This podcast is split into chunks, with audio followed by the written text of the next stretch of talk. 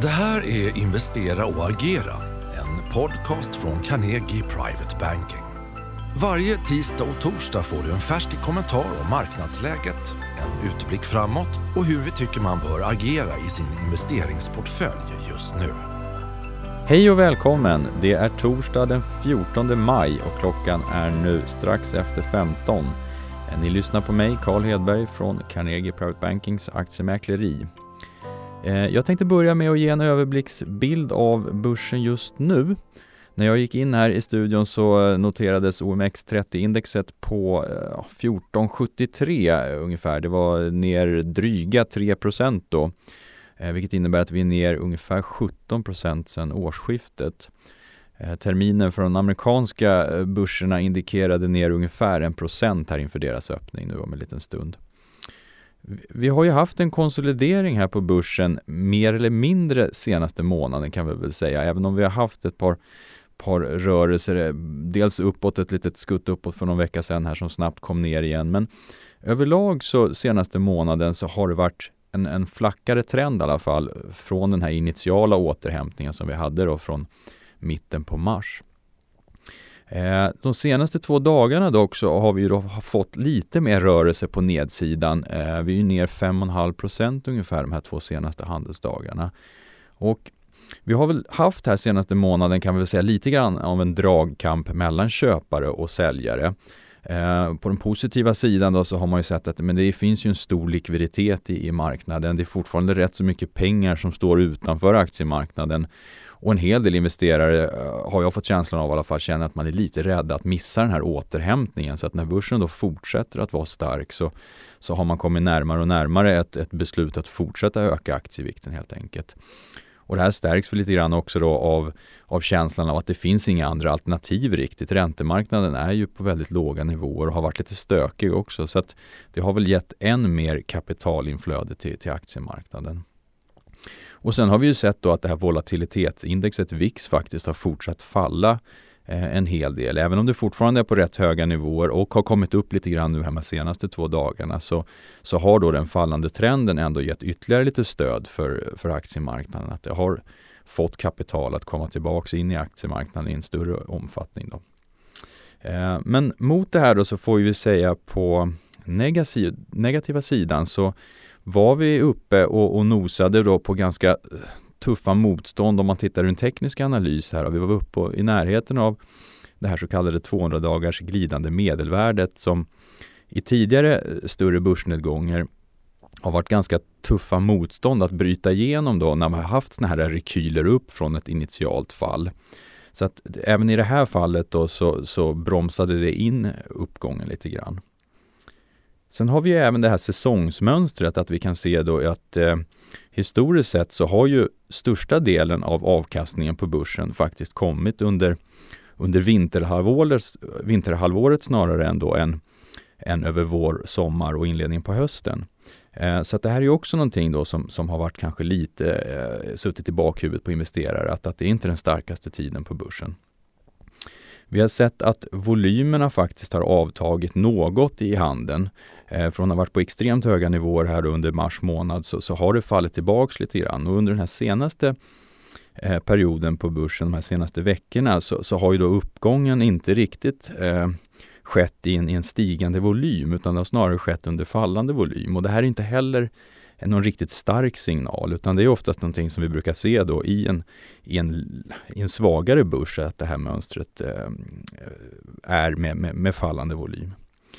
Uh, ut, ut, utöver det så, så, finns det ju även en liten risk som vi ser i att vinstförväntningarna ligger lite för högt. Att de här sista kvartalen i år och in, in i nästa år, att förväntningarna på bolagens vinster är fortfarande lite för höga. Att man tror lite för mycket på en snabb återhämtning eh, för, för ekonomin och för bolagens efterfrågan.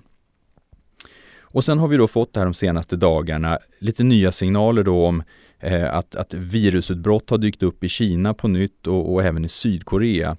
Och, och, det här är ju givetvis någonting som gör investerarna jättenervösa för det här skulle ju då kunna få effekter av att man behöver hålla på de här nedstängningarna mycket längre eller att man, de här lättnaderna som man har sett nu på slutet, att de kommer behöva ske i en mycket, mycket långsammare takt. Och det här tror jag inte heller riktigt är in, inprisat i, i aktiekurserna just nu, utan det finns nog lite för höga förväntningar på att det här ska gå ganska snabbt.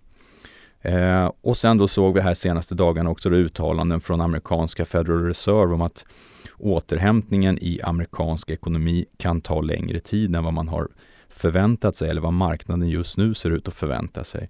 Så att det här har ju spett på lite grann den här osäkerheten då, som, som då har resulterat i de här senaste två dagarnas nedgång.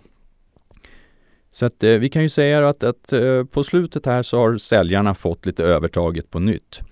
Och eh, det här är ju lite grann en, en rekyl som vi på något sätt ändå har sett lite grann eh, framför oss. Att vi har tyckt att sannolikheten ändå har talat för att vi bör, bör se någon form av, av motreaktion mot den här ganska starka återhämtningen. Så att eh, det, den stora frågan är ju om, om det här är den rekylen och i så fall hur stor blir den? Det som jag tror kommer vara intressant att eh, hålla lite koll på och, och titta efter här framöver. Ja, men det kommer ju dels vara då i vilken takt fortsätter man med de här lättnaderna och de här nedstängningarna? Eh, och framförallt då i nästa steg, med, det kommer väl vara med ett antal veckors fördröjning då, vilken effekt får det här på, på smittspridningen? Kommer vi se att de här kurvorna som faktiskt har flackat ut och till och med börjar falla ner, kommer de börja vända upp igen? Det skulle nog sannolikt kunna vara någonting som gör investerare lite nervösa för att det här kommer ju då få negativa effekter på, på återhämtningen i ekonomin. Kina var ju först in i den här pandemin och med sina drastiska nedstängningar. Och där har vi nu se, faktiskt sett att industrin har ju återhämtat sig ganska hyggligt faktiskt efter det här. Men att detaljhandeln eh, och privatkonsumtionen då haltar lite grann fortfarande. Där har vi inte riktigt sett samma starka återhämtning. Eh, och det här är ju också någonting som kan eh, sätta lite funderingar på, i, i huvudet på investerare. För att det här är ju sannolikt ett mönster som vi kommer kunna se även i Europa och USA då. Sen har vi ju också lite andra osäkerhetsfaktorer och det är det här att vi har sett en liten ny konflikt segla upp mellan USA och Kina gällande handelsavtalet på nytt. Eh, och jag tror att i det här läget så, så, så har vi väl no, nog med osäkerhet i marknaden eh, utan att vi behöver addera ytterligare sådana här eh, frågor. Och sen har vi då även att det är val i USA i höst så att här är ju Trump då eh, sannolikt väldigt benägen om att göra det han kan för att bättra sin situation. Eh, men det här kan ju också leda till lite oväntade utspel från hans håll så att eh, ytterligare osäkerhet där som, som kan påverka ekonomin och börserna. Men som sagt, eh, stora frågan då, är det här rekylen vi väntat på och eh, hur stor kommer den i så fall bli?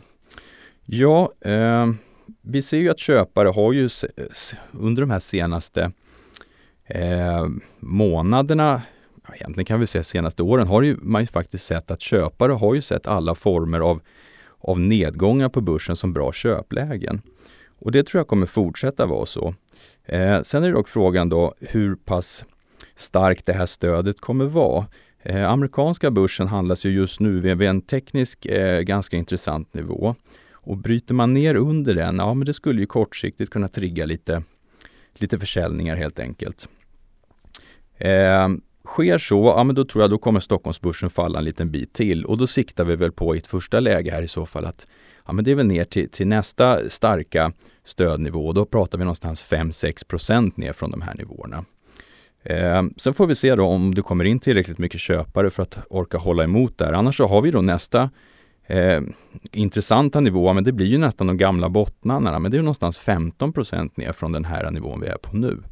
Men där tror vi väl kanske inte att vi behöver se riktigt så så stora nedgångar. Så att i det här läget så, så siktar vi väl kanske mer på en liten försiktig nedgång, att det är den här närmsta nivån, 5-6 procent ner, som är, är det kanske mest eh, sannolika som det ser ut just nu. Och eh, agera då, hur ska man göra då? Vad ska den aktiva investeraren göra? Eh, ni som lyssnade på förra avsnittet hörde ju eh, vår förvaltare Peter Nelson. Han sitter och förvaltar våra diskretionära förvaltningsuppdrag. Eh, han beskrev ju i tisdagens podd hur han tyckte man kunde agera som långsiktig investerare och hur han justerade sin portfölj.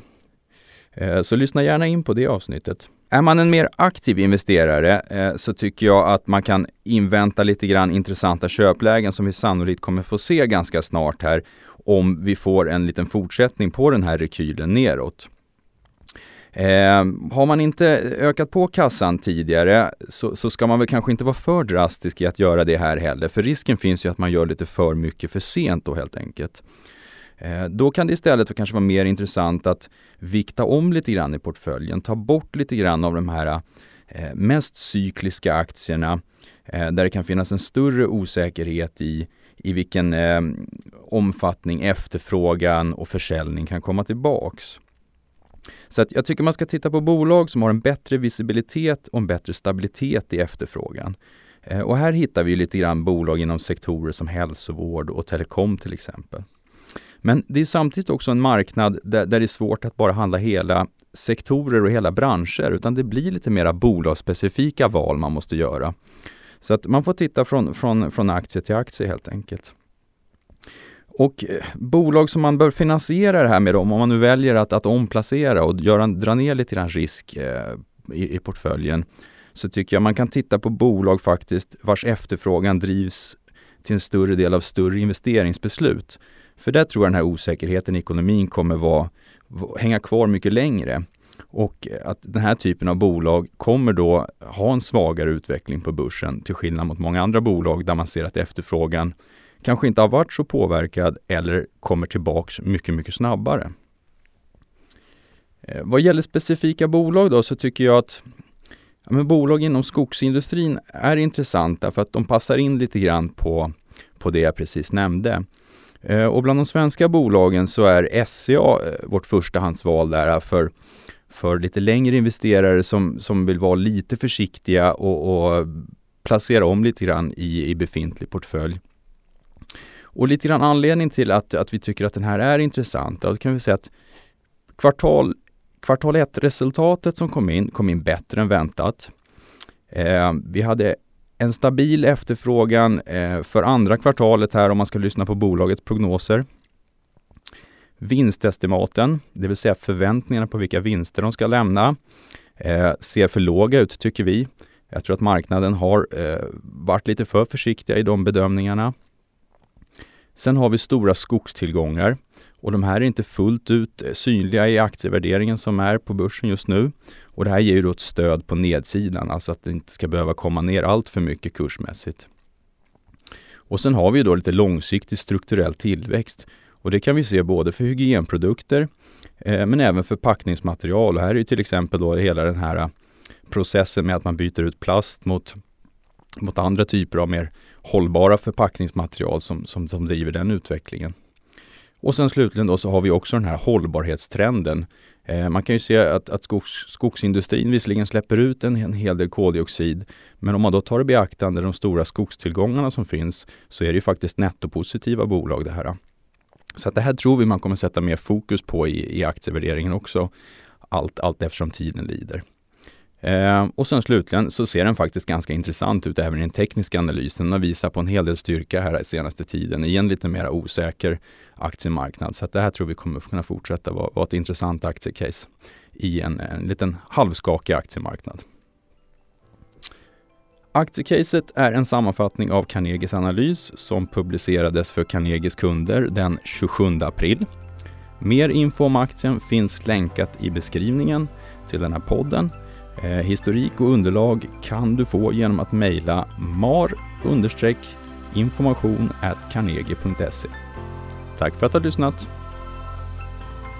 Är du intresserad av topprankad aktieanalys och unika investeringsmöjligheter? Gå in på carnegie.se privatebanking och lär dig mer om vad du får som private banking-kund hos oss.